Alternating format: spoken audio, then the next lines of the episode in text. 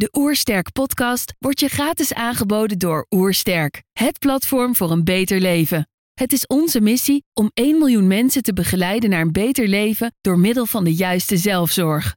Wil je weten hoe jij kunt werken aan een beter leven? Ga dan naar www.oersterk.nu gezondheidscheck voor onze gratis gezondheidscheck en krijg direct jouw uitslag met persoonlijk advies. Mijn naam is Peter Klossen en je luistert naar een oersterke podcast.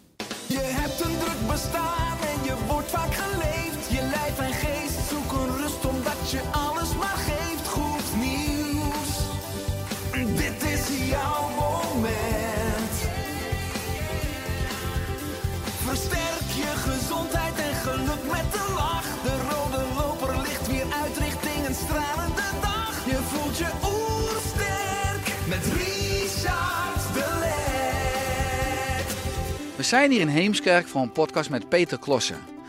Peter is eigenaar van de Academie voor Gastronomie en consultant voor bedrijven en organisaties voor vraagstukken die met smaak te maken hebben. Ook is hij auteur en veelgevraagd spreker. Ik ben benieuwd naar zijn tips voor een beter leven. Trouwens, geniet je van onze podcast? Laat dan een reactie of een review achter. Zo help je ons om het gezondheidsvirus te verspreiden. Let's start! De Oersterk Podcast. Een ontdekkingstocht naar een beter leven. Peter, welkom. Dank je. Ik lees op jullie website de Academie voor Gastronomie. Alles over smaak, wijn en koken. Ja. Waarom heb je deze academie opgericht? Oh, dat is een, ehm, ja, is een lang verhaal, maar ik zal hem kort houden. Eh, eigenlijk vooral om mijn kennis te delen met, eh, met mijn vakgenoten. Dus het is een professioneel opleidingsinstituut. Smaak staat centraal. En met name in die tijd ook eh, de combinatie van wijn en gerechten. Dat vonden we heel erg belangrijk. Maar omdat we zo met smaak bezig waren, ben ik eigenlijk steeds meer ook met andere facetten van smaak geconfronteerd. Eh, goed eten, dus ook onder andere. En ehm, ja, dus, dus, eh, dus dat, dat is een hele passie en eigenlijk een hele draad, een nieuwe draad in mijn leven geworden. Mooi, gaan we dit uurtje induiken. Want jullie bieden diverse wijnopleidingen en kookcursussen. En andere trainingen voor horeca en foodservice. En hoe was ook het afgelopen jaar voor jullie met corona? Ja, natuurlijk eh, een stuk minder. Gelukkig hebben we ook een hotel en restaurant. Ik heb nog mijn eh, onderzoeksinstituut Taste. Dus ik, heb, eh, en ik, ik was nog een lange tijd ook nog lector gastronomie bij de hotelschool. Dus ik bedoel, ik ben met mijn tijd prima doorgekomen. Maar als het nou echt gaat over de academie, dan, dan, dan heb je, hebben we daar natuurlijk wel last van. Er zijn natuurlijk heel mensen die in de horeca niet konden werken. Bedrijven die gesloten zijn. Dus, dus het is niet allemaal even makkelijk met de academie natuurlijk op dit moment. Maar op zich eh, overleven we prima. Ja, nou als ik eh, jullie websites heb ik natuurlijk uitgeplozen, enorm inspirerend. Veel elementen komen terug in deze podcast. Maar wat ik me ook afvroeg, wat maakt iemand nou tot een goede gastronoom sommelier? Ja, dat is in ieder geval een andere dan veel mensen denken. Hè? Want eh, heel vaak sowieso sommelier, er wordt heel erg alleen maar met wijn geassocieerd. En je hebt het woord wijn ook al een paar keer genoemd. En natuurlijk is in de gastronomie, in de klassieke gastronomie, is wijn ook belangrijk. Maar wat mij betreft mag het ook over thee gaan. Het mag ook over, over, eh, over bier gaan. Hè? Dus, dus het gaat over smaak. Het gaat over hele goede combinaties. En als je het over, zo gauw over smaak hebt, dan moet je het ook denk ik al heel snel over mensen hebben en over proeven hebben. Dus gastronomie vind ik de wetenschap van smaak en proeven. Dus van producten en mensen. Dus producten en mensen komen bij elkaar in de zin van. Ja, niet iedereen vindt hetzelfde lekker. Producten hebben eigenschappen, mensen hebben voorkeuren. Dus veel meer weten van mensen en voorkeuren en veel meer weten van producten op het gebied van smaak helpt om lekker eigenlijk veel beter op de kaart te zetten. En ik denk dat lekker, mijn, mijn lievelingswoord is eigenlijk lekker. Ja, ja mooi is het hebben over eh, smaak, over producten, over mensen, over behoeftes. En je bent in je loopbaan vooral op zoek gegaan naar de wortels van de gastronomie. Hè? Ja, Waarom? ja, ja. Nou ja, kijk, ik heb natuurlijk eh, ik, ik heb het, restaurantbedrijf van mijn ouders overgenomen. Dus ik ben natuurlijk een horeca-mens. Heb, ben geboren in een restaurant. Heb heel lang van mijn leven natuurlijk ook heel veel in restaurants eh, gewerkt en, en geleefd. Dus ehm, ja, het, het hele fenomeen van goed eten en goede, eh, zeg maar, op een prettige manier met elkaar aan tafel zitten. Dat, dat is eigenlijk een kern van mijn leven. Maar omdat ik daar zo mee bezig was, kwam ik natuurlijk ook heel veel, eh, beho- had ik heel veel behoefte om daar veel meer van te weten. Dus vandaar dat er ook boeken geschreven werden en dat ik opleiden, ben gaan, gaan opleiden. Uiteindelijk gepromoveerd ben op een, smaak, eh, op een nieuwe smaakbenadering. Dus met andere woorden, ehm, ja, goed, de, de, de, oorsprong ligt gewoon in smaak veel beter willen begrijpen. Maar ja, dan, eh, daarna was het eigenlijk ook wel echt van de dam. Ja, want je, in 2004 promoveerde je aan de Universiteit van Maastricht aan de Ja. faculteit Gezondheidswetenschappen. Ja, dat is grappig hè? Eh, Ja, en sindsdien word je de smaakprofessor genoemd, las Ja, ik. ja. Eh, wat bracht deze opleiding voor jou? Nou, je noemt het een opleiding, maar het was eigenlijk geen opleiding. Ik was een externe promovendus. En ehm, ik werd dus begeleid door de, de hoofd van de faculteit Humane Voeding van, eh, van de faculteit Gezondheidswetenschappen van Maastricht. En vandaar dat ik ook gepromoveerd ben in die faculteit. Maar ik heb eigenlijk nooit daar opleiding ge- eh, gehad. Ik geef daar wel college, dat is wel grappig. Maar, eh, maar, maar de, voor de rest, eh, ik ben, ben dus niet door die faculteit opgeleid. Ik heb eigenlijk een, een, meer een zakelijke eh, academische opleiding. Eh, wat bracht dat jou? Ehm, beide. kijk, de, de- ik vind dat de zakelijke opleiding is belangrijk. Omdat het, ja goed, je- op een gegeven moment moet je natuurlijk ook in de horeca wel een beetje je hoofd overeind kunnen houden. Dus, dus de zakelijke kant vind ik belangrijk om daar in ieder geval goed, om dat goed te snappen dat je een goed bedrijf hebt. Maar die gezondheidswetenschappen, ja, dat heeft mij enorm veel eh, extra geleerd. Ja, over, over al die dingen die zo vreselijk belangrijk zijn voor gezondheid en voor mensen. En die faculteit gezondheidswetenschap is natuurlijk ook geen geneeskundeopleiding. Er zitten natuurlijk heel veel mensen die, eh, die ook in de gezondheidsvoorlichting gaan. Dus die hele opleiding die is natuurlijk wat anders eh, ge- inge- ingericht dan zeg maar, een reguliere geneeskundeopleiding. Ja, want het mooie is wat je net ook zegt, het woord lekker. Hè? Ik lees ook, we moeten meer van lekker weten. Hè? Lekker is Ja. de motor van onze voedselkeuze. Ja. Wat zouden we meer mogen weten wat we nu nergens leren? Nou, het is natuurlijk heel opmerkelijk dat, eh, dat ja, ja, in, in, dit hele, in het hele veld van voeding en gezondheid. Hè, daar is bijvoorbeeld een voedingscentrum natuurlijk heel belangrijk. En ik, ja, die- zeggen natuurlijk hele waardevolle dingen. En, en ook een diëtisten hebben ook een opleiding, ook waardevolle dingen. Ehm, dus ja, het, is zo opvallend dat, dat. Er komen er nu nog een, nieuwe groep bij. De mensen die heel bewust zijn met het klimaat. En alle problemen zien met het eten van vlees en dat soort dingen. Ja, die hebben ook waardevolle dingen. Maar het grappige is dat heel van die mensen dus suggereren dat we heel anders moeten gaan eten. Hè? Maar niemand komt met je helpen met hoe dat dan ook lekker is en hoe dat dan kan. Dus we zitten heel veel in, als het gaat over voedings, eh, voeding en gezondheid en voeding- eh, voedselvoorlichting, zitten we heel veel met vingertjes te wijzen. Zitten dus heel veel met mensen zeggen, je eet te weinig groente, foei. Weet je, en ik hou eigenlijk niet zoveel van die taal. Ik, ik, ik, ik denk, je zou veel mensen moeten helpen met... Weet je hoe, hoe, lekker, hoe, je, eh, hoe je lekkere groentegerechten kan maken? Weet je wel dat je er enorm van kunt genieten? En ik zal je even helpen om dat te laten zien hoe dat moet. Dan zijn we bezig met, met gedrag. Hè? Dus ik heb de indruk dat heel veel van die mensen die in dat veld zitten... dat die nooit zelf een hond opgevoed hebben of zo. Dus die, maar constant met verbieden bezig zijn... constant met, met stokken aan het slaan zijn... Figuurlijk dan natuurlijk. Eh, zonder dat je nou beloont. En ik denk dat gedrag en gedragsverandering, dat moet, dat moet positief geladen worden. En dat moet met beloning te maken hebben. En lekker is in eet en eetgedrag natuurlijk de ultieme beloning. Iedereen wil, niemand heeft bezwaar tegen iets lekkers. Weet je, iedereen die wil eigenlijk met plezier aan tafel zitten. Ja, en als dat dan per ongeluk ook nog met groente is, of met minder vlees is, of met, nou, het liefst wat mij betreft allemaal zelf gekookt en zelf gemaakt. Ja, dan, sla je natuurlijk niet één, maar, maar wel tien vliegen in een klap. En daar moeten we denk ik veel meer naartoe. Dus die, die, die focus op die academische benadering van stofjes die wel of niet goed zijn in een lichaam, of die benadering van wat nou allemaal fout is, weet je. Eh, of ook het verheerlijken van dingen, daar ben ik net zo kritisch op als het, eh, als het verketteren van dingen. Hè, bedoel, die superfoods en zo. Ja, natuurlijk allemaal van die vreemde benaderingen. Laten we nou alsjeblieft gewoon over lekker hebben. En laten we nou proberen dat dat lekker gekoppeld wordt met gezond. Dan zijn we, denk ik, maken we de belangrijkste en grootste stap. En die, dat is precies die stap die ik mis. Gaat het dan ook weer om het, dat we misschien maatschappelijk nu een gebrek hebben ook aan bepaalde voedingsvaardigheden. In Oh ja, dat in- heeft natuurlijk een In de keuken, hoe je dingen kookt, Ja, hoe je dingen, als je op de markt loopt, al, hoe, hoe je brein al speelt met ingrediënten vers en hoe je dat kan combineren. Want Ja, de, mo- tuurlijk, de ja. moderne mens is misschien een beetje een analfabeet omdat we veel kiezen voor gemak, wat eerder ongezond is. En dat we ons laten bedienen door een industrie die niet per se een pure smaak eh, op nummer 1 heeft staan. Nee, geld staat daar natuurlijk op nummer één. En dat, dat is een goed recht, want het is een bedrijf en ze hebben aanhouders. En eh, nou, die willen ook eh, geld verdienen met hun aandelen. Dus dat doen ze op een hele effectieve en goede manier. Maar ja, dan moeten we ons wel blijven realiseren dat hun eerste doel niet is om eh, dat jij en ik heel, gezond zijn.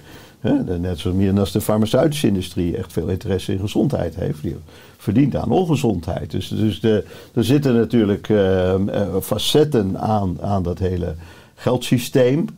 Waar we ons wel heel erg bewust van moeten zijn. En dan ja, kom je weer bij dat, dat, dat, dat- je noemde net analfabetisme. Ik, ik gebruik dat zelf ook graag, voedselanalfabetisme. We vinden de rekenvaardigheden en taalvaardigheden, daar zijn we ons van bewust hoe belangrijk die zijn om goed te functioneren in de maatschappij. Ja, ik zou willen dat men voedselvaardigheden of voedselanalfabetisme ook op diezelfde schaal gaat wegen. Want doordat wij zo weinig van ons eten weten en zo afstand hebben gekregen van de natuur, ja, zijn we natuurlijk ook helemaal niet meer in staat om, om die goede adviezen die mensen wel hebben, om die gemakkelijk op te volgen. Zie je een revolutie optreden aankomende nou, generatie? Omdat we dus eh, bijleren en dat er ook van onderaf gevraagd gaat worden om die nieuwe vaardigheden? Ehm, ik zie heel veel positieve dingen om me heen. Hè. Ik, bedoel, ik zie een enorme toename in, eh, de, in, in de, de bereidheid om in eten geïnteresseerd te zijn, om, biologische, bijvoorbeeld te kiezen voor biologisch en dergelijke. Dus ik zie heel veel positieve dingen. Eh, maar tegelijkertijd ja, zie je natuurlijk ook eh, de, de macht van de industrie die alleen maar rijker aan het worden is. Je ziet met de corona, covid-achtige, dat ook de concentratie van die van die hele grote wereldbedrijven, die is eigenlijk nog groter geworden. Eh, de, de, de boeren waarvan we het moeten hebben, die hebben het nog moeilijker gekregen. Eh, dus ja, ik bedoel, ik zeg wel eens, het hangt er een beetje vanaf met welk been ik uit bed stap. Of ik eh, met een positieve blik de wereld in kijk. En dan, is, zie ik heel veel positieve dingen. Maar ik sta ook wel eens op met dat reële been van... eh, jongen, jongen, jongen, wat, wat, hebben we nog een, wat hebben we nog een strijd te voeren eigenlijk? Wat moet er nog veel veranderen? Ja, eens. Als je het hebt over voeding, dan ligt daar natuurlijk enorm veel impact omdat we als mensen iedere dag eten en drinken. Ja, zeker. Jullie houden je ook bezig met het smaakonderzoek. Ja. Eh, Ik las ook het smaakonderzoek begon bij de combinatie van wijnen en gerechten. Waarom past de ene wijn wel en de andere wijn niet? Wat Ja. is de logica? Ja. Eh, heb je deze logica inmiddels gevonden? Ik denk dat ik dat ook allemaal herken. Ik ben uit eten. En dan heb je vaak nou, een hele wijnkaart. En ja, ik vraag me dan ook af, dan indirect misschien als leek. Ik hou van een goede wijn. Wat is een goede wijn? Daar kan jij denk ik meer over vertellen. Maar ja, wat, wat, wat past hierbij? En natuurlijk kan je geadviseerd worden. Maar ook zeker als ik thuis bijvoorbeeld kook of je hebt eters. Ik vind het nogal wat om uiteindelijk ook die smaakkennis te hebben. Om het ook echt die logica als het ware gekraakt te hebben. Ja, ja. Toch is dat zo vreselijk belangrijk. Hè? Want als je smaak goed snapt, dan kun je ook veel makkelijker je, naar je voorkeuren koken. En, en, en als je dus goed, inderdaad, een beetje vaardig, nou goed, dat gaat nog wat te, te, ver misschien. Als je gewoon vaardig bent in de keuken, je weet een beetje hoe je, hoe je een slaasaus maakt. En hoe je, voor mijn part, hoe je een vlees bakt en zo. Weet je, we gewoon de, de basisdingen goed doen. En als je dan snapt dat je dus niet met al die ingewikkelde recepten, eh, dat je die eigenlijk helemaal niet nodig hebt. Maar dat je gewoon op je eigen gevoel af kunt gaan van ik heb op dit moment zin in, dan komt er een woord, bijvoorbeeld iets straks. Nou, strak, dat is de wereld van de zouten en de zuren en van pikant en zo. Als je dat snapt voor jezelf, het gevoel hebt van ik heb eigenlijk zin in, in die groep. En je weet dat dan te vertalen in koken en in gerechten, dan gaan die gerechten je automatisch bevallen. Want ja, daar had je net zin in. Nou, zo is het ook met filmend en drogend. Hè. Dat, zijn, dat zijn dus als het ware de primaire smaken. Eh, in plaats van primaire kleuren spreek je dan van primaire smaken. Dus het drogende, het filmende en het strakke. En daar kun je, daar kun je allerlei combinaties mee maken. En daar kun je ook allerlei eh, passende voorkeuren. Dus dingen doen die passen bij je voorkeuren. Ja, en dan kan je met een wijn op aansluiten. En de wijn die, hoort- die sluit er dan op aan. Maar ja, jij wil het over gezondheid hebben volgens mij. En dan eh, voor veel mensen hoort wijn daar dan niet bij. een Vind ik jammer, maar... eh, Ik, maar- ik schrijf in mijn eerste boek, eh, dat ik net benoemde voor de podcast toen we elkaar spraken, in Oersterk in 2012 al over dat ik graag een biologische rode wijn drink. En dat Ja. het eigenlijk ook gezondheidsbevorderlijk is in mijn Ja. optiek. Dus Ja, ja. Nou ja, goed, ik, ik bedoel, er is, er is een belangrijke reden voor, voor eh, goed, goed, goed nadenken over waar komt je product vandaan, of dat nou een wijn of een wortel is. Maar, ehm, en en die, die reden is dat je dus gewoon die residuen van, eh, van nadigheid in het landbouwsysteem, of het nou glyfosaat is of, of allerlei andere chemische eh, bewerkingen en zo, die, die, ja, die komen toch Hè, Bio, die, eh, hoe heet dat, eh, antibiotica natuurlijk ook zo'n voorbeeld. Dat zijn allemaal dingen die toch in, in, in, in kleine hoeveelheden maar in je voeding zitten. En die accumuleren toch in je lichaam. En daardoor gaan natuurlijk allerlei zaken gebeuren die je niet wilt. Dus, dus ik, er wordt mij wel eens gevraagd van, moet, is dat biologische dan ook echt lekkerder? Ik, nou, ik vind het eigenlijk heel flauw om, om die bal over, over van biologisch, hè, om te kiezen voor biologisch, om die over lekker te spelen. Het is al beter. Hè? Het hele voedselsysteem wat daarachter hoort is al beter. De mensen die het verbouwen, de, de residuen die in je eten zitten. En ja, als het dan ook nog lekkerder is, is het mooi meegenomen. Maar dat hoeft voor mij nog niet eens, weet je. Je zou al sowieso eh, veel nadrukkelijker moeten kiezen voor kwaliteit. En dus ook na, moeten denken over ja, wat er allemaal in je eten zit en kan zitten. Ja, mooi. Sterk als je ook zo denkt waar een product vandaan komt in die keten. Ja. Als ik kijk naar jouw levensweg, waar, jou vandaan komt, waar jij vandaan komt. Je noemde het al, jouw ouders waren de grondleggers van het restaurant De Echo Put Ja. in Hoogsoeren. Sinds eh, 1967 heeft het restaurant 36 jaar een Michelinster gehad. Ja. Eh, hoe was dat voor, voor jou om op te groeien in een gastronomisch gezin? Ja, natuurlijk super interessant. Ik bedoel, eh, aan tafel werd natuurlijk altijd eten heel serieus genomen. En mijn vader was ook echt een, eh, een onderzoeker in de zin van dat hij heel veel dingen wilde proberen. Hè. Je moet je voorstellen, in Nederland was eh, in 67, eh, het, was- het was een, een, een gastronomische woestenij. Dus ik bedoel, woestijn met hier en daar een oase. En die, die kreeg dan al vrij snel een ster. Eh, omdat daar natuurlijk iets anders gebeurde. En dat was een kleine groep die later ook de Alliance Gastronomique Nederlandaise is gaan heten. Een groep van restaurants die, eh, die, die zagen dat het wat anders moest, dat het beter moest.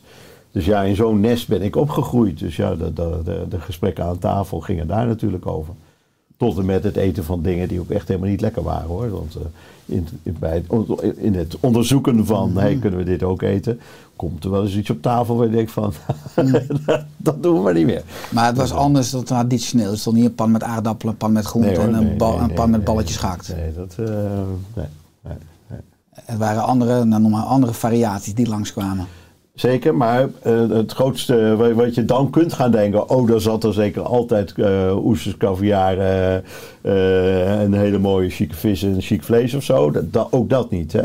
Dus, dus ik, ik denk dat het woord goed moeten we niet verwarren met, met exclusief of duur of zo. Hè. Goed is kwalitatief goed.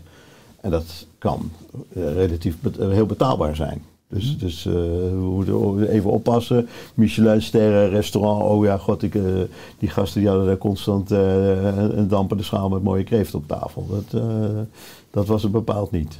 En bovendien, het is heel erg wild georiënteerd. Hè? Dus natuurvlees, ik noem het natuurvlees, dat, is een, dat is waar ik mee groot geworden ben. Want, kijk, de Echoput ligt ook midden in het prachtige kroondomein.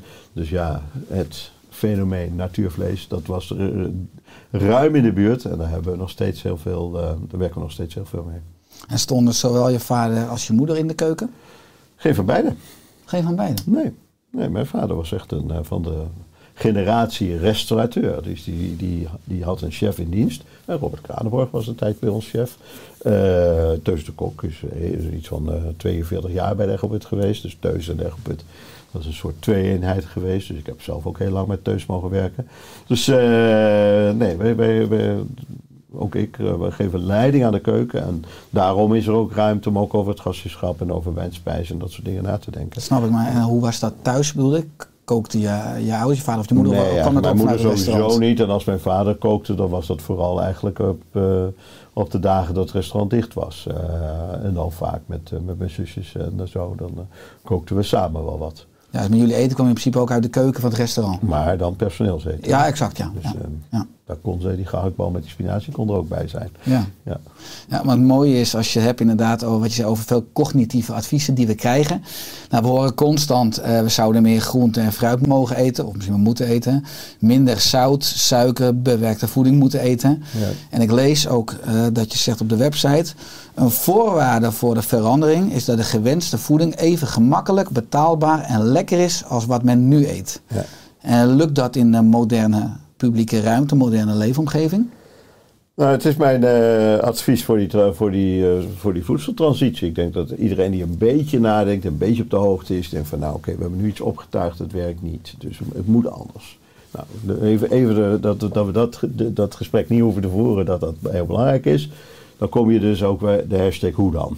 Nou, die hashtag hoe dan, die, eh, daar heb ik wel eens over nagedacht. En dan, dan is volgens mij een uitdaging dat het, de start van het denken is. We moeten ons realiseren dat de mensen die nu die voedselkeuzes maken, die nu in de winkel rondlopen en een, wagentje vol gooien, die kiezen dat omdat ze dat betaalbaar vinden. Ze kunnen betalen. Eh, vaak goedkoop zelfs. Eh, te goedkoop zou ik bijna willen zeggen. Het is heel gemakkelijk gemaakt. Hè? Ik bedoel, eh, in 10 minuten wat lekkers op tafel. Een beetje water erbij bij een poedertje. En verdorie, het wordt soep. Ehm, en men vindt het ook heel lekker. Dus als je tegen mensen zegt van... Ja, maar dat, dat, moet, allemaal niet. Eh, Richard, joh, hey, eh, doe eens normaal. Hè? Hou eens op met die pakjes in die zakjes en dan ga eens even echte tomatensoep maken dan is de directe automatische reactie, behalve even wat je net al zei van, ja, maar dat kan ik helemaal niet, is het, ja, maar ik vind als ik het zelf maak veel minder lekker. En het, is ook veel duurder. En ik moet de hele dag in de keuken staan. Dus de, de, de obstructie van de verandering, de, de, de, de reden om het niet te doen, de grote molshopen die we op onze weg gooien, die gaan dus over gemak, die gaan over betaalbaarheid en die gaan over lekker. En als iemand dus een stap in die richting wil zetten, als er een, een, een- start-up is of een nieuw bedrijf of, of eh, iemand anders die zomaar in deze wereld wil stappen, zegt van nou ik ga het voor je oplossen. Dan, dan moet dus dat nieuwe product, dat alternatief, moet dus aan elk van die drie dingen voldoen. Het moet en minstens zo betaalbaar zijn, het moet en even, even gemakkelijk zijn en ook even lekker zijn. En eh, ja, soms dan word, word ik wel eens gevraagd om iets te proeven. hè. Dan heeft iemand weer wat bedacht. Dan komt, er- komt er zoiets. En dat is eigenlijk, soms zijn het al hele kant-en-klare producten. Er zit al op verpakt, er zit het etiket al op. Eh, eigenlijk alles is klaar. Ze hebben bijna de distributie al klaar. Hè, dus de supermarkt X wil het wel in de, op de plank zetten. Alleen is één probleem, het is niet lekker. En dan geven ze het aan mij. Zo van, ja, wil jij, wil jij dan even daar, nu, nu, nu hebben we jou... eh, Magische sausje over. ja, ik zeg, maar wat verwacht je nu? De, dus de, inderdaad de toverformule of zo, hocus pocus pas, ik wou dat het lekker was of zo. Wat stel je voor? Ik zeg, je, had eigenlijk dat lekker probleem, eh, voordat je dat lekker probleem hebt oplossen, had je nooit zo ver moeten gaan met het, eh, met het ontwerp en met die verpakkingen en met die supermarkt. Want bedoel, dat is cruciaal. Je kunt niet iets op de markt brengen wat niet lekker is. De supermarkt, ik bedoel, eh, als- je daar, daar gaat vragen van, goh, maar hoe krijgen we dat dan voor elkaar? Het lijkt me een goede vraag als je die vraag zou gaan stellen. Dan zeg je van, eh, dat, moet, dat moeten we ook echt heel met elkaar doen. Hè? Bedoel, je kunt dus natuurlijk van de consument niet in zijn eentje verwachten dat hij al die betere keuzes zomaar gaat maken. Dan moet hij mee geholpen worden. Nou, hoe wordt hij nu geholpen? Ja, door punt 1 de industrie, die eh, reclame maakt, maar ook door het groot winkelbedrijf, die bonusaanbiedingen heeft en die, die, eh, die, die mooie magazines maakt en die tv-reclame maakt. Nou, dat is heel veel geld. Als we dat geld nou gaan besteden aan mensen uitleggen hoe, hoe die betere keuze in elkaar zit. Hoe je van prei of van knolselderij en wortel iets, iets heel smakelijks en lekkers kunt krijgen. Ja, kijk, die supermarkt die mag daar eigenlijk helemaal geen probleem mee hebben. Want die verdient natuurlijk ook gewoon aan de prei en de wortel en de, en de knolselderij. Dus ja, die zal, die zal geen... geen eh, dat, daar zit de obstructie niet, weet je. Meneer Unilever zou het misschien niet zo fijn vinden. Die zal er misschien gaan proberen om de, de cup soep nog wat goedkoper te maken. Dat, eh, dat het nog moeilijker is om het niet te doen. Maar de, de, de, de, er zijn best veel partners. Ik vind de overheid eigenlijk potentieel ook een belangrijke partner. eh, die, die mee kunnen helpen in die transitie. Om het betaalbaar, gemakkelijk en lekker fenomeen, om dat goed, eh, om dat de consument daarmee te helpen. Ja, want ik lees ook dat we in Nederland ambitieus zijn eh, op het gebied van veilige, gezonde en duurzame voeding. Ja. Daarvoor moeten alle domeinen samenwerken, wat je aangeeft. Dus Ja. boeren, tuinders, producten, supermarkten, horeca, scholen, zorginstellingen, Ja. maatschappelijke organisaties, onderzoekers en de overheid inderdaad. Ja. Gaat het Nederland lukken om over vijf tot tien jaar dus de onbetwiste leider te zijn qua koploper? Nou, dan moeten er wat, eh, wat serieuze keuzes gemaakt worden. En, eh, Worden die gemaakt in het nieuwe kabinet, in de nieuwe plannen? Nee, ik vrees dat ze, dat, eh, dat ze vooralsnog nog niet op tafel liggen. eh, helaas. Ehm, maar, eh, kijk. Ik stap nu even weer met, met een andere been, met dat, dat, dat eh, reële of cynische been uit het bed. Kijk, wij hebben eigenlijk twee keuzes. En niet meer. De ene is, we laten lekker zoals het is. En dan zijn we zo'n tanker die eh, met een grote vaart eh, de, op een verkeerde koers ligt en, eh, en de kant op gaat, de wal op gaat vliegen. Dan gaat er wel het schip keren. En dan moeten we al het schip gaan keren dus. Hè? Bedoel, Of we, we, we zeggen van, ja jongens, we moeten nu nog net, we zijn net nog in staat om heel, heel, heel keihard aan het roer te gaan trekken. En die, die boot een beetje op een andere koers te krijgen. Dan, eh, dan, dan, dan kan het met de wet van de geleidelijkheid. Maar eh goedschiks of kwaadschiks, eh, ga- dit systeem is aan zijn eind. Het is over. Dus ja, of je, we kiezen voor de geleidelijke, nog net geleidelijke weg van, van de, laten we zeggen, zo harmonieus stappen zetten naar die verandering. Die, die moet. Of ja, we laten de, de, de, de, de bak met ellende over ons heen komen.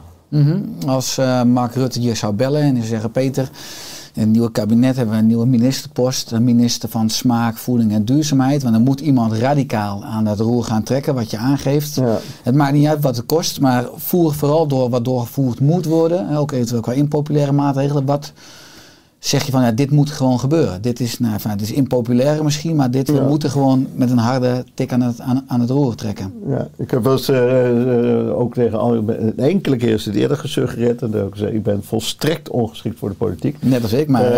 Eh, dus, dus want ik ben te eerlijk en te transparant. En te, dus dus ik, ik ben, mij, mij moet je daar dan net niet voor hebben. Maar Maar, als adviseur dan mogelijk. laten maar dan, ja. ik wou zeggen, als er ergens een positie is waar iemand echt invloed kan hebben en mag hebben op, eh, op dit systeem. En dat we inderdaad die verandering in gang kunnen zetten. Dan, eh, dan, dan mag hij me daarvoor wel bellen. Dat, eh, met, met plezier. En wat, wat zou je hem als advies geven? Nou, sowieso. ik heb een keer een roman geschreven, een uitgekookte zaak. De Culi-thriller. Die ook, de ook Culi-thriller. Ja. In die Culi-thriller, daar suggereer ik iets. En die- wat die suggestie daarin zit, is dat eh echt de ministeries van Landbouw en Gezondheid, dat dat eh, één ministerie moet zijn. Hè, dus in dat boek gebeurt dat in Frankrijk, dat er een, nieuwe minister wordt benoemd, waarbij de, de departementen van, eh, van eh, voeding, gezondheid en landbouw bij elkaar komen. Want ik vind dat eigenlijk één thema. hè. Wat we eten heeft direct met onze gezondheid te maken. Dus waarom is er een apart ministerie voor, voor waar eten en, en, en, en eten en landbouw is één ministerie en, eh, en volksgezondheid is één ministerie. En het zijn ook de ministeries waar de meeste geld in omgaat. Dus hoe logisch is het om een brug te bouwen? Ja. En eh, eh, gooi die nou eens in één, in één gebouw samen. Dat lijkt me al, al een mooie stap. Huh? En dat, eh, dat dus ook voeding, dus inderdaad weer terugkomt waar die hoort te zijn als een essentiële basis van onze gezondheid. En dat we dan ook essentieel weer gaan praten over wat, de factoren zijn die onze gezondheid bedreigen. Inclusief ehm, eh, de, de, de klimaatproblemen die, eh, die onze voedingskeuzes met zich meebrengen. En laten we dan van daaruit ook, ehm, ook, ook, ook de maatschappij goed gaan helpen. Dan, dan, dan komen we het stappen. Want kijk, het goede nieuws is natuurlijk dat wat nodig is voor een beter klimaat, is ook nodig voor een betere gezondheid. Dat zijn niet andere dingen. We hoeven niet andere dingen voor een beter klimaat te doen als voor, eh, voor een betere gezondheid. Dus, dus de, die, twee, die twee grote thema's, de klimaatproblematiek. Je kunt ook de fossiele brandstoffen er nog bij nemen als je kunstmest daar meeneemt. Maar de, de klimaatproblematiek en de gezondheidsproblematiek, die, die, die, vallen bij, als het gaat om eten in hetzelfde mandje. Dus het beste advies voor mensen en voor het planeet en voor de mens is hetzelfde. En dat is wel heel goed nieuws. Dus we kunnen daar natuurlijk al grote stappen zetten. En dat, die, die, die tanker die, eh, die op de verkeerde koers ligt, dat zijn, is natuurlijk gewoon het budget van de overheid. Ik bedoel, zometeen zijn de zorgkosten uh, zo'n. ik bedoel, zijn nu geloof ik al zo'n 25% van de totale overheidsbegroting. Ja, dat, door de chronische ziekten stijgt dat naar 30% van de dingen. Ja, straks hebben we dus geen geld meer om wegen te bouwen of om veiligheid te verzorgen of om, nou ja, weet ik, of onderwijs te verzorgen. Onderwijs dacht ik, het grootste budget. Maar uh, ja, dan gaat dat, moet ergens vandaan komen. Hè? Bedoel, de overheid kan wel geldpers aanzetten, maar dat schijnt ook niet echt een heel verstandige strategie te zijn. Dus laten we zeggen, het moet ergens vandaan komen. En het komt door echt naar preventie te gaan. we doen nu natuurlijk weinig aan preventie. We doen uh, nog steeds de hele geneeskunde, uh, gezondheidszorg in Nederland. Het is curatief. Je moet eerst ziek worden. En dan krijg je een pil en dan moet je er beter van worden. En als die dan niet goed werkt, moet je weer een extra pil, een hogere dosering. Maar het voorkomen van ziekte, het voorkomen van, het, zeg maar, de bevorderen van vitaliteit, algemene vitaliteit van mensen. Ik gebruik veel liever het woord vitaliteit dan gezondheid, by the way. Uh, maar het bevorderen van vitaliteit van de economie, van de mens, van de planeet. Dus een, ik zou dat ministerie, als ik mag adviseren, dan ook graag het ministerie van Vitaliteit willen laten zijn. Uh, het ministerie van Vitaliteit is dus echt heel fundamenteel bezig om aan de, laten we zeggen, de, de knoppen te draaien, zodat uh, we naar die betere wereld komen. En dat Nederland wil graag een een licht zijn voor de wereld. Nou, dan zijn we weer een licht voor de wereld. Want dan kunnen andere landen ook zien. We hebben natuurlijk een groot voordeel. We zijn natuurlijk een klein oppervlak. 16 miljoen mensen, allemaal redelijk bestuurbaar. Als wij dan met z'n 16 miljoen in Nederland laten zien hoe dat kan, heel dichtbevolkt land. Dan, uh, ja, dan, dan hebben we denk ik een, een, weer een, die, die bakenfunctie die Nederland ook graag altijd wil even willen hebben. Van kijk onze zeven, klopperig en zo. We waren ook in de landbouw, toch? Kijk, ons is heel, heel veel produceren. Nou, oké, okay, daar moeten we een tijdje mee ophouden. Export, ja. ja. ja. ik ben het met je eens. Ik zeg ook altijd, gezondheid is niet de aanwezigheid van ziekte, maar de aanwezigheid van vitaliteit. Ja. Uh, als je het hebt over die twee ministeries uh, van voeding en van uh, VWS zeg soms wel eens grappend, als je voeding door mannen in witte jas is gemaakt, is de kans groot dat je bij andere mannen in witte jas uitkomt in de geneeskunde. uh, jullie houden je ook bezig met smaakonderzoek, ja. hè, zowel wetenschappelijk als toegepast voor de land- en de tuinbouw, de zorgsector en het bedrijfsleven. Ja. En wat zie je aankomende jaren veranderen in deze sectoren? Want als je het hebt over preventie, zou ik het echt fantastisch vinden als het voedingsaanbod in ziekenhuizen, hè, want ik vind dat nog steeds je broek zakt af als je kijkt, die mensen liggen aan in nou, ziekenhuis is niet zo erg uh, verzorgings, verzorgingsinstellingen. Kijk, een ziekenhuis per definitie je daar kort. Dus als daar het eten twee, drie dagen slecht is, nou ja, oké. Okay. Maar het valt trouwens zo in, in de praktijk al zijn veel ziekenhuizen goed mee bezig. Mm -hmm. nee, maar het grote probleem zit in die zorginstellingen, vooral de ouderen. Waar mensen langere tijd zitten, verzorgingshuizen, verpleeghuizen. Waar, waar, je, waar je gaat wonen voor, ja. uh, weet ik veel, uh, ja. x jaar. Voor de laatste fase van je leven ja. vaak, ja. ja. Dus um, ja, nou ja, kijk. Al, al, als je je realiseert waar de, waar de kern van het probleem zit. Je hebt even geld al genoemd. Uh, hè, dus, dus die zorginstellingen die worden aangestuurd op budget. Hè, dus, dus de totale uh, budget wat, wat een, uh, een of andere baas die regelt dat, die zegt dat dan. En dan mag je alleen maar nog maar 5 euro geloof ik per dag lunch en ontbijt en diner. En daar moet je het dan mee doen. En daarna ja, kun je natuurlijk heel onvoorwaardig eten verwachten.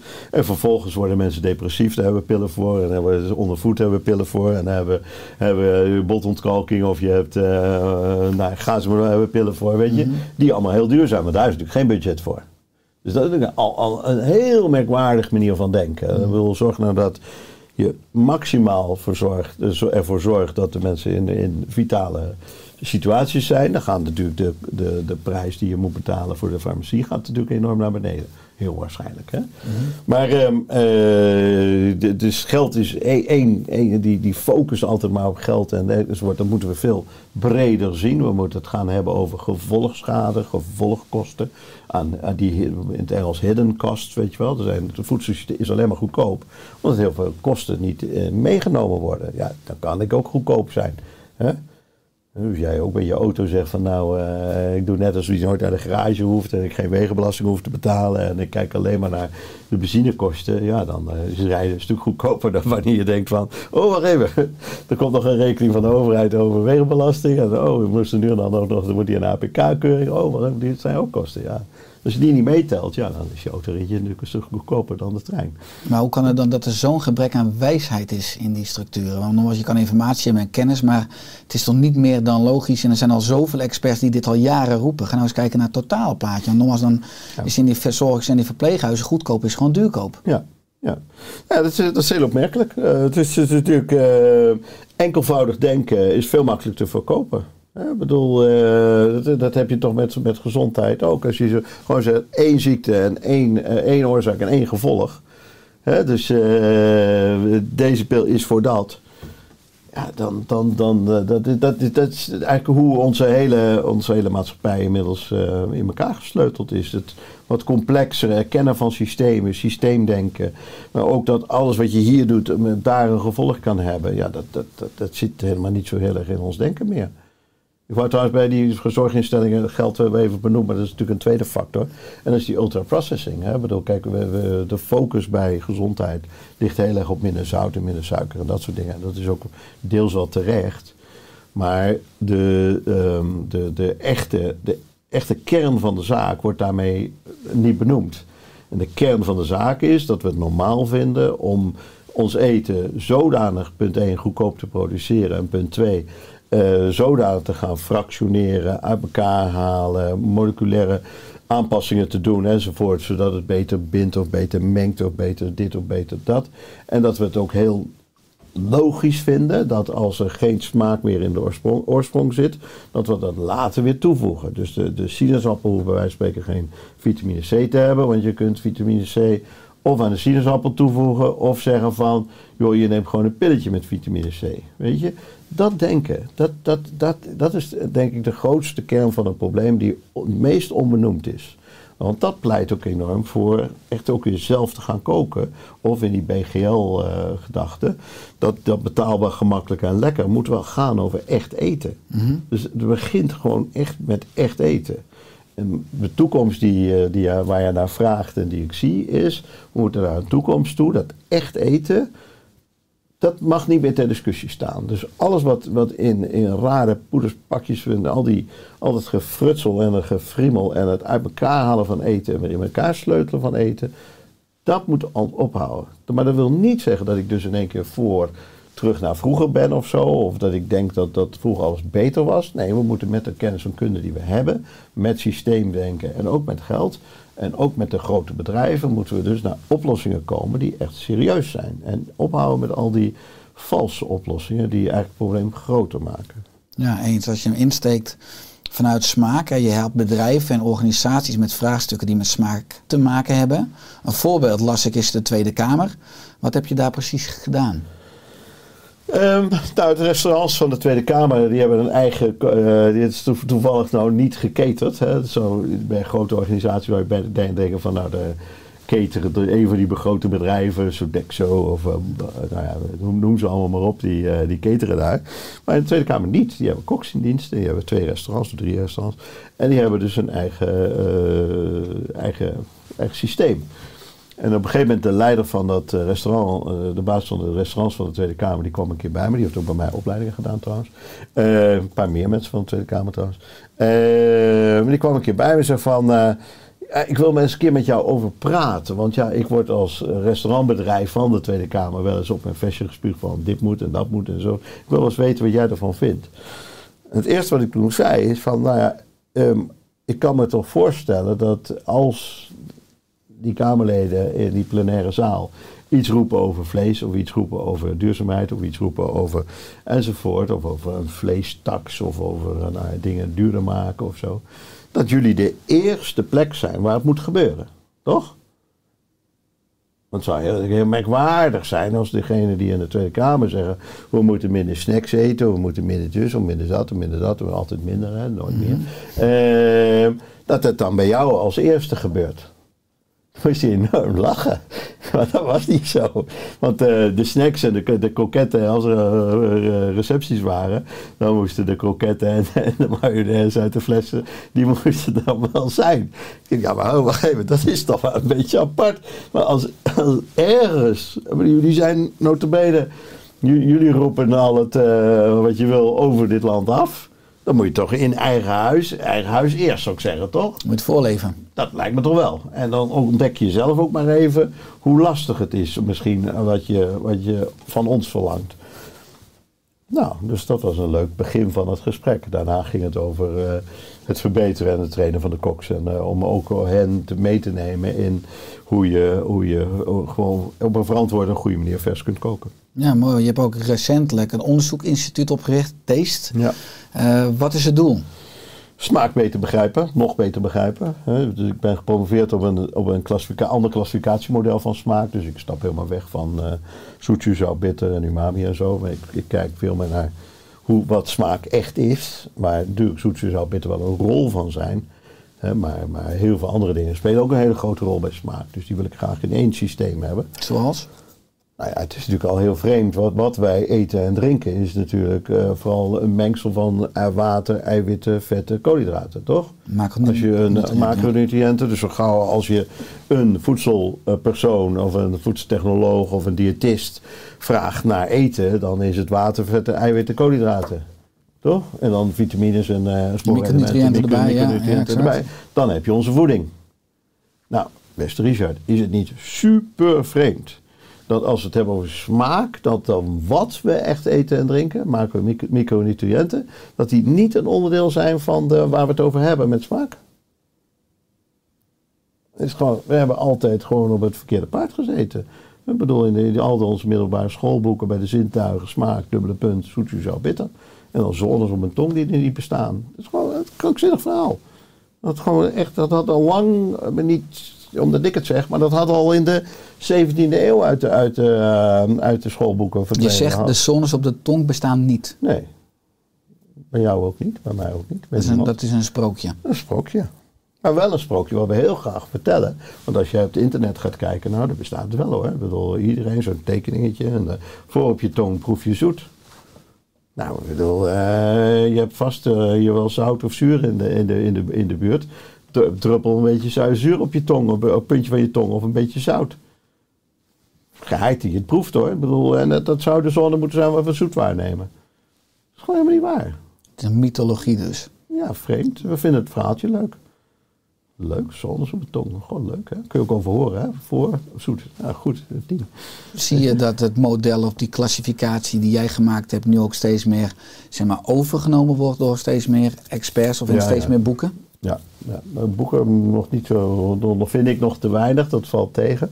Maar eh, als het gaat over experts bijvoorbeeld, we nog maar een voorbeeld. Ik ben al een paar keer in China geweest. Ehm, ik geef nu eh, binnenkort in juli ehm, ook weer een, een, een training aan Chinese ondernemers die heel erg met voeding bezig zijn. Grote bedrijven, China is natuurlijk al heel snel heel groot. Dus deels restaurant, maar ook toeleveringsindustrie en zo. En eh, dat is heel spannend. Dan doen we workshops. En het gaat heel veel over dit smaakmodel. Dat is, eh, toen ik dat voor het eerst deed, was dat wel een enorme eh, een ontdekking. Dat, eh, het is uit Nederland gegroeid, is die eigen restaurant. Oh, dat, dat werkt, hè, dat is interessant. Eh, dan wordt het groter, Allianz-collega's erbij, wordt het Nederland. Oh ja, nou, die hebben er ook al wat aan. Dan wordt het wat Europeeser. En dat vertelt eens een keer aan een Fransman of een Duitser of een Spanjaard. Oh ja, het werkt echt. Nou, dat is Europa. De eerste keer naar China was natuurlijk ook wel spannend. Maar dan bleek het ook heel erg te werken. Dus die Chinezen, dat, dat- dan zie je ook een beetje hoe goed dat denken is. Sorry dat ik het zelf zeg, maar ehm, hoe solide, misschien moet ik niet goed, maar hoe solide het denken is. Ehm, het gaat dus over de abstracte begrippen. Kijk, wij vinden strak, eh, denken we aan azijn of zout of zo. Bij Chinezen, in de Aziatische cultuur, is strak vooral een enorme hoeveelheid eh, gefermenteerde sojaachtige sauzen. Dat is zeg maar bijna geen zout in de keuken. Want dat zit in die sojasauzen. Dus, die, de, dus de interpretatie van strak met producten is anders. Maar de harmonie, eh, wat zij dan snel yin en yang noemen, maar de, de harmonie van strak, filmend en drogen, dat zit in alle Aziatische gerechten. Dus zo gauw die Chinezen doorhebben, oh, oké. Zo werkt dat. Dan passen ze het ook onmiddellijk toe. En dat is heel fascinerend. Ik heb iets met een smaakcheck. En dat is ook een Chinese versie van die smaakcheck. Die gebruiken die Chinezen onmiddellijk. En die hebben dan ook meteen door. Van, ook, en daarom als ik een restaurant in, eh, in Guangzhou of in, in Beijing of in, in Sichuan of zo. Als ik, eh, een, een restaurant open, dan zijn de voorkeuren van de mensen daar, omdat ze daar nou eenmaal geboren en getogen zijn en dus hun hele leven al anders gegeten hebben, zijn hun voorkeuren een beetje anders. Als je die voorkeur beter snapt, dan kun je ook beter in staat zijn om gerechten aan te passen aan die voorkeuren. Want koken is natuurlijk uiteindelijk ja, eh, iets, iets lekker maken, zodat jij het lekker vindt.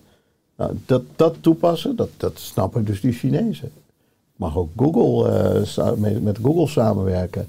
Hetzelfde idee. Google heeft een food lab. eh, De Googlers heel goed eten de hele wereld. Gratis eten. Heel duurzaam, heel gezond. eh, opmerkelijk goed. eh, een Nederlandse eh, leider van het hele eh, Google Food. Ehm, en die heeft, een, eh, die heeft een soort denktank om zich heen verzameld, Google Food Lab. Ehm, die daar ook heel erg mee bezig zijn. Dus de, de, het hele denken van Google over smaak, daar speelt eh, dus ook deze smaaktheorie een rol. Dus ja, het is inmiddels natuurlijk best wel door, laten we zeggen, de, de, waar het toe doet, is het, ehm, is, het, is het wel goed overgenomen. Maar mooi om te zien hoe dat, eh, dat smaakvirus zo de hele wereld doorgaat. Wat je zegt, je bent internationaal, wat je aangeeft, veel actief. Ook als je het hebt over China. Is dat dan in het Engels? Is het met behulp van een tolk? Ja, in het Engels met een tolk. Maar je hebt die tolk nog heel erg nodig, omdat eh, het, eh, laten we zeggen, het, het, het Engels, het eh, beheersing van het Engels in, eh, in Azië over het algemeen toch niet zo goed is als je, als je zou verwachten. Ja.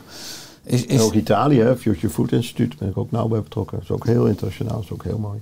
Maar als je het hebt over nou, echt, echt die smaak. Want wat je in essentie zegt, als de smaken op je bord in balans zijn. En dan moet je daar al wat kennis over hebben hoe je kan zorgen voor balans op je bord met echte smaken. Dan is automatisch een gevolg dat de vitaliteit hè, in je lichaam in balans is.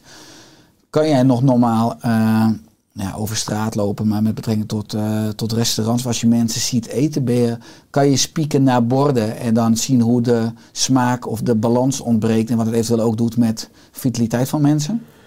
Ja, je, je, je brengt het nu heel erg dicht bij elkaar, alsof dat een, eh, automatisch ook de vitaliteit bevordert. Ik denk dat mensen heel individueel zijn, dus dat je altijd toch rekening moet houden met eh, degene die eh, de Mont Ventoux opfietst en degene die de hele dag op de, TV, naar de, op de bank naar de tv zit te kijken. Dus die individuele, individuele ook metabolisme van mensen is natuurlijk heel anders. Dus er is geen automatisme van als je dat eet is het dus vitaal. Het is geen protocol. Hm? Het is geen protocol. Nee. geen protocol. Nee. Nee, nee, nee. Ehm, daar kunnen we het ook nog over hebben, maar laten we dat niet doen. Maar, eh, dus, dus, ehm, dus dat automatisme is er niet zo heel erg. Maar de, ehm, ik, ik kan mij vaak eh, nou, ja, zo ergeren, verbazen, iets liefst, liefst positief geformuleerd over wat er, wat er ook reclames bijvoorbeeld. Ik kan me soms zo echt, echt boos maken over reclames, omdat het zo oneerlijk is en zo, zo onjuist is. Hè? Zo'n zo'n boterreclame, nou ja, botermargarine reclame op een gegeven moment. Zo, Wat doe je op je brood? Plantjes. Dat is een heel verhaal. Dan zie je zo'n jochie met zo'n handje vol met zaadjes. Ja, niet de echte plantjes, maar de zaadjes van de plantjes. Oh, daar kan ik me zo boos over maken. En dan denk ik van, ja, maar wat is dit voor onwaarheid? Ik bedoel, nog- even los van hoeveel zaadjes zitten er in paardenbloemen die uiteindelijk in de, in de margarine komen, weet je. Ik bedoel, dat, daar, dat- heel, heel, heel, heel, heel, zou het nog eens een keer ergens een beetje kunnen. Maar de, de harde waarheid is natuurlijk dat het gewoon allemaal grote gewassen, palmolie en weet ik veel allemaal zijn. Dus houd toch op. En dan, dan, wat heb jij als je brood? Plantjes? Die hele gedachte van we moeten wat meer eh, vegetarisch of wat meer, minder, pla- meer, in het Engels, meer plant-forward eh, dieet, wordt dan gekaapt door zo'n margarinemerk die dat dan eigenlijk eh, een beetje, beetje als een soort greenwashing, een social greenwashing eh, aan mensen. Kijk, ons eens even goed zijn, want wij, zijn, wij passen helemaal in een plantaardig dieet. Ja, Coca-Cola is ook vegetarisch hoor. Ik bedoel, is dat dan de bedoeling? Hebben we het daar dan over? Nee, toch? Ik bedoel, die, al die, die vleesvervangers, dat is ook zo- zo'n merkwaardige iets waar ik me ook enorm over kan verbazen. hè. Dus, dus dan dus hebben we dus op de een of andere manier vlees. Al heel, heel vervelend, hè? Dat al het vlees is ongeveer fout. Terwijl er maar één echte categorie van vlees heel dubieus is. Dat is die intensief gehouden eh, vlees, eh, koeienvlees. eh, met name, dat hebben we in Nederland eigenlijk nauwelijks. In Amerika is dat dus heel, hè, die KFO's, die, die enorme... Nou ja, daar heb je leuke, leuke eh, documentaires over als je wil weten hoe vreselijk dat systeem is. Ja. Daar is de eiwitconversie super slecht. Dat is dus niet meer koeienvlees, maar dat wordt vlees. En dan is het dus ook in één keer voor kippen, varkens enzovoort. En dus ook voor wild. En ook voor alle natuurlijke vlees die, die gehouden worden voor zuivel enzovoort. En waar vlees een soort van overschot is. Het is, het is krankzinnig goed dat er wat gevoerd wordt. Maar goed, dan hebben we gezegd, oké, er moeten vleesalternatieven komen. En dat is dan van soja. Dus het ene monocultuur vervangen door de andere monocultuur.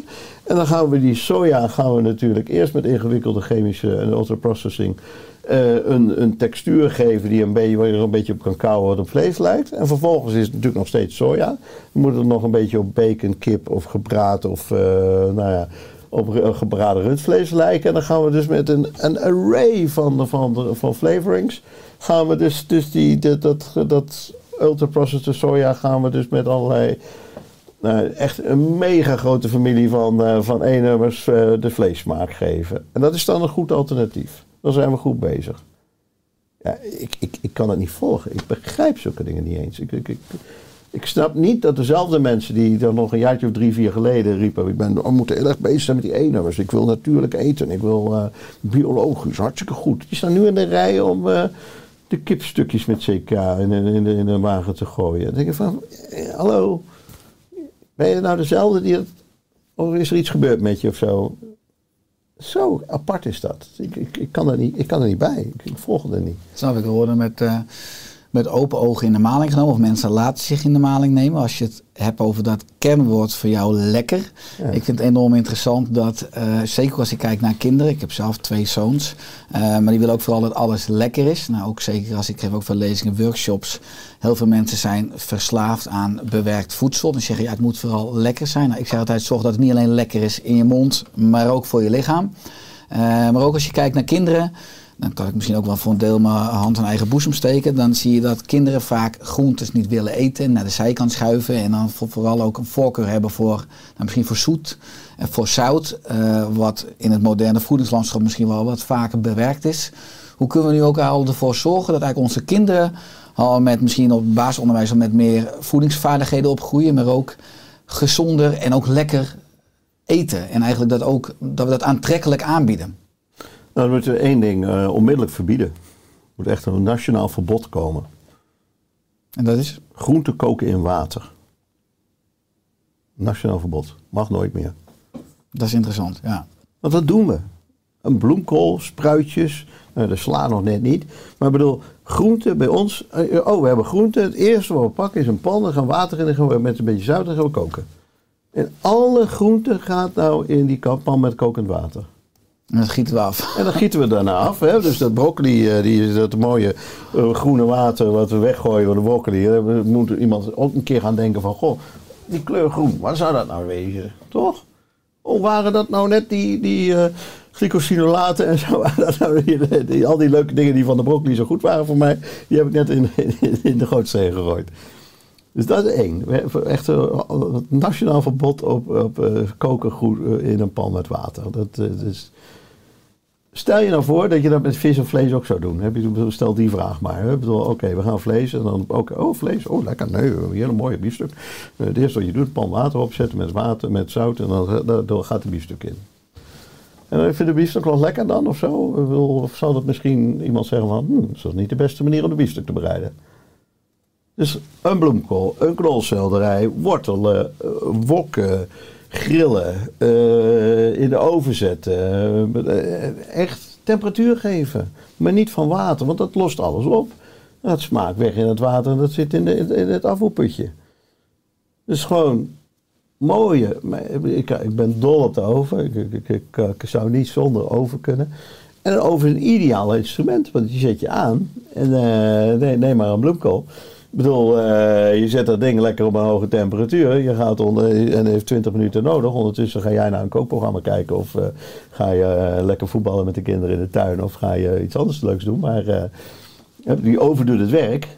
En je hoeft bij die bloemkool verder bijna niks te doen. Ja, behalve een beetje, misschien een beetje curry is wel lekker. Of wat noten zijn lekker. Cashews of zo. er Een beetje overheen. Wat kruiden. Eigenlijk heel veel olijven. Je kunt eigenlijk van alles doen. Het is één groot feest van, eh, van creativiteit. Dus pak wat je, je, je ding hebt. Meng het een beetje met die, met die, eh, met die bloemkool. Zet het in de oven. Ga een half uurtje lekker wat anders doen. En eh hocus pocus pas. Daar is de lekkere bloemkool. En die zit je dan dampend op tafel. En dan ga je van die bloemkool genieten. Ja, dat is een goeie. Ik denk dat we er allemaal ook mensen die luisteren en kijken iets in herkennen. Groente en water. Ja. Ja, toch? Ja. Nou, niet meer doen. Daar begint het. Ik bedoel, een kooktechniek die smaak bevordert. En niet smaak eh, verwatert.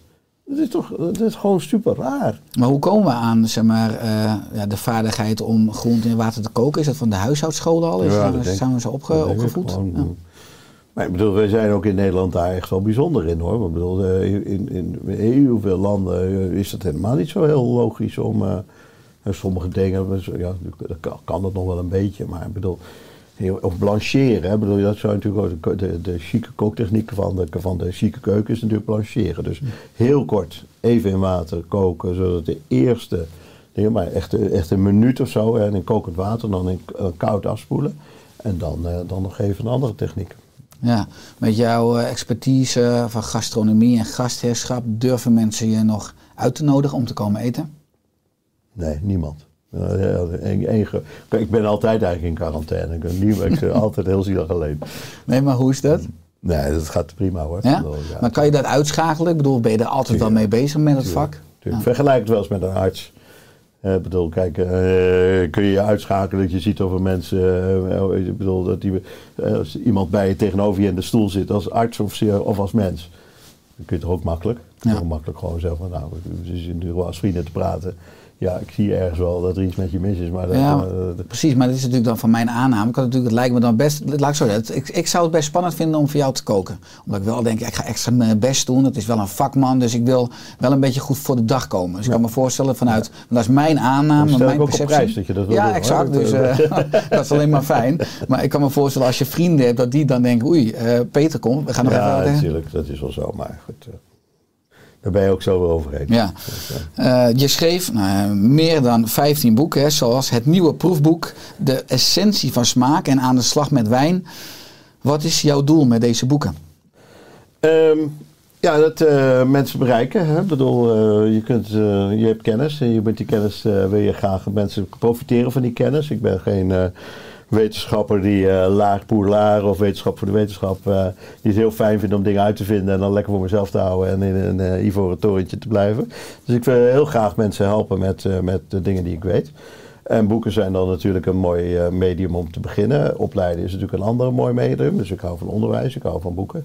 Ehm, en ik heb eh, dus mij ook een keer voor, veroorloofd om eens een roman te schrijven. Omdat natuurlijk zo'n proefboek en zo... eh, ik, heb, ik heb van jou begrepen dat jij in staat bent om bestseller-auteur te zijn met, eh, met non-fictie. Bij mij zijn het hele goede boeken, dus ik, ik haal ook wel drie, vier, vijf drukken met die boeken. Dus dat gaat goed, maar de volumes zijn niet zo heel groot. Hè, Ik bedoel, het gaat over nou, misschien 10.000 of 12.000 boeken of zo. Wat de uitgever waarvan de uitgever zegt van, oh, nou, dat is best wel veel. Zeker. Eh, ik denk van, nou, het zou best meer kunnen zijn. Maar met een roman dan kun je natuurlijk, eh, heb je natuurlijk ehm, eh, een veel groter bereik. Dus ik hoop eigenlijk nog eens een keer dat die, eh, zo'n roman over dat, ik heb een roman over dat voedselsysteem. En mensen die dat gelezen hebben, vinden dat inderdaad een heel eh, interessante manier om, om ja, het denken over smaak en op een hele andere manier te vertellen. Ik heb ook wel echt gewoon mensen gehoord, ik ben door dat boek heel anders gaan eten, en heel anders gaan kijken naar het hele voedselsysteem. Nou, als dat nou nog eens een keer een Netflix-serie zou worden of zo, hè, dan, eh, dan, dan, dan, dan bereik je echt het hele grote publiek natuurlijk. Ja. Maar dat is impact. Impact is eh, denk ik wat eh, jij wil en wat ik wil. Eh, meedoen aan podcasts, met journalisten, eh, interviews. eh, zoveel mogelijk proberen dat, dat, dat wa- wat, je, wat je vindt, dat je dat ook uitdraagt. En dat hoef je niet met me eens te zijn, dat mag allemaal. Maar mijn missie is in ieder geval mijn overtuiging zoveel mogelijk uitdragen. Mooi, en die boodschap is hartstikke belangrijk en misschien wel harder dan ooit. Hè, als we kijken naar ook het afgelopen jaar, de nationale wereldwijde vitaliteitscrisis. Ja. Eh, bij de ingang van de Echoput staat een bord met de tekst: Doe wel en zie niet om. Ja. Geldt dit ook voor jou als levensmotto? Ja, dat is een van de redenen dat het er staat.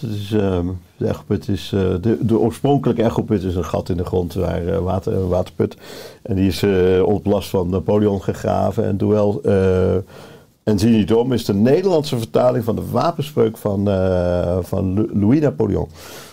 Dus Lodewijk Napoleon, die, die had dat als wapenspreuk. Dus toen wij de mogelijkheid hadden om iets bij de ingang neer te zetten, dat kregen we bij de opening van het gebouw kregen we dat aangeboden. Toen was het eigenlijk het meteen zo van, oh dat moet eigenlijk die spreuk van Napoleon zijn vanwege de eh, link met de bouw van de put. Maar direct daarbij, doe wel eens die dom, dat is ook helemaal inderdaad een eh, levensmotto waar ik me heel eh, bij thuis voel. Ik bedoel, fouten maken gebeuren sowieso, dus zie niet om. Ja, het betekent ook, sta niet al te lang stil bij alle dingen die, die nog beter hadden kunnen zijn. Het kan altijd beter namelijk. Maar doe vooral goed. Doe, doe vooral wel. Doe, doe alles wat je doet met overtuiging. En ik vind het ook heel erg met je hart. Ik ben, eh, mijn, mijn, keu- de keuzes van mijn leven zijn altijd hartskeuzes geweest. Altijd van, oké, dit, dit- hier, hier voel ik mij goed bij. Hier, dit vind ik fijn om te doen. Mooi. Het is het is wel een luxe om dat te doen. Ja, mooi. Als je het hebt eh, over kiezen hè, volgens je hart en je hart volgen. Met al je activiteiten, hoe zorg jij voor balans in je leven? Oh, wat een, eh, wat een eh, mooie vraag is dat. Eh, je gaat er al vanuit dat ik dus kennelijk een balans in mijn leven heb. Misschien heb ik dat wel helemaal niet. Maar hoe zorg ik ervoor? Ja, dat, ehm, eh, weet ik eigenlijk niet. Ik, aardkeuzes voel je goed bij. Ja, ik, er zijn mensen die vinden dat... mijn kinderen vinden wel eens dat ik veel te veel werk en altijd werk. Ja, dat is wel zo. Maar ik doe eigenlijk alleen maar dingen die ik leuk vind. Dus ik kan ook zeggen, ik ben eigenlijk nooit aan het werk. Ik ben altijd met mijn hobby bezig. Misschien is dat wel een, een, een flauw antwoord om eh, ja, die balans maak je daar nou niet ongerust over. En, en hoe ziet voor een buitenstaander jouw werkweek eruit? Over hoeveel uur heb je dan? Ach, hmm, nou ja, eh, niet, niet te benoemen. Niet te benoemen. Is dat iedere dag? Of zeggen wel, zondag is mijn heilige vrije dag? Of Nee. je bent altijd met, met je werk bezig? Nee, kijk, je bent in een restaurant geboren van ouders die ondernemer van een dergelijke zaak zijn. Dus dan, dan, dan leef je al sowieso als een gevolg van wensen van gasten. Ik bedoel, eh, het is druk, dus ben jij druk. Het is, eh, men, men wil dit, of de, snijdt iemand zijn vinger. Dus je bent al sowieso eh, in je hele leven een gevolg van, van Dienstbaar. ja, dus dat, ik ben niet anders gewend dan dat dat zo is. Maar maak je niet ongerust. Ik, eh, ik, ik vind de tijd om boeken te lezen. Ik vind de tijd om eh, in, eh, in Frankrijk te zijn. Ik vind de tijd om te koken. Ik vind de tijd om aandacht te geven, liefde te geven als het nodig is. of als, als ik dat fijn vind. Of als het, het, het op zijn plek is. Dus nee, dat, dat gaat allemaal prima. Maar gelukkig, wat is je droom of je missie voor aankomend jaar of aankomende jaren? Nou, we willen nog wel even wat stappen zetten hoor. Ik, wil met die Taste Foundation willen we nog wel even wat. eh, we zijn bezig met spannende publicaties. Eh, ik heb een, eh, een PhD hier, die, eh, die, eh, dat promotieonderzoek, dat, eh, dat, dat, dat willen we wel. eh, dat, dat moeten we eigenlijk wel. mag, mag best heel veel aandacht krijgen. Het is, het is wel heel spannend wat we aan het doen zijn. Wat hoop je dat dat gaat opleveren? Bedoel aan impact dan, hè? Heel, heel flauw antwoord. Nobelprijs. Als je mij dan maar uitnodigt. Hè? En, eh, ik ga graag met, je- met je mee dan. Nee, maar bedoel, nee, dat, dat is een rijtje. Nee, eh, dat, dat, het, dat, het, dat het mensen helpt, dat het werkt. Dat, het, eh, dat, je inderdaad, eh, dat we inderdaad in staat zijn om mensen te, te, te helpen met, met die betere keuzes. Ja. Impact blijft een belangrijk ding. Ik wil niet publiceren om in een wetenschappelijk blad wat daarna niemand leest of zo. Ik heb eigenlijk relatief ook heel weinig wetenschappelijke publicaties. Heel weinig. Best wel. Uiteindelijk, als je gaat kijken, zijn er nog best, wel veel dingen die wel referenced zijn en zo. Maar voor een, eh, voor een reguliere hoogleraar eh, ben, ik, ben ik veel te licht. ver onder de maat, zullen we maar zeggen. Is er aan het einde van de podcast, Peter, nog iets dat je graag wil aanvullen of toevoegen? Nee, ik vond het een leuk gesprek. Dankjewel. Wederzijds. Jij nogmaals dank voor eh, je komst in de Oorstek podcast. Ga door met je mooie bedrijven, met je mooie activiteiten. Laatste vraag. Waar kunnen mensen meer vinden over jou, over de bedrijven, over de Echoput? Ja, dat zijn allemaal websites, hè? Echopit.nl, academievoorgastronomie.nl, tasteresearch.org. Eh, dus dat zijn allemaal dingen die, eh, waar, waar je heel veel vindt. Aan. als je mijn naam googelt, kom je ook nog wel veel tegen. Zeker, ik, eh, ik heb genoten van het Andere podcasts en andere artikelen, heel veel artikelen en heel veel dingen. Dus, eh, Nogmaals dank voor eh, je komst in de Oerstek podcast. En alle goeds. En dat we samen nog maar eh, mogen werken aan een wereld met meer vitaliteit, duurzaamheid. Met meer lekker, maar ook vooral een betere smaak. ja, Alle goeds. laten we dat hopen. Dankjewel. Dankjewel.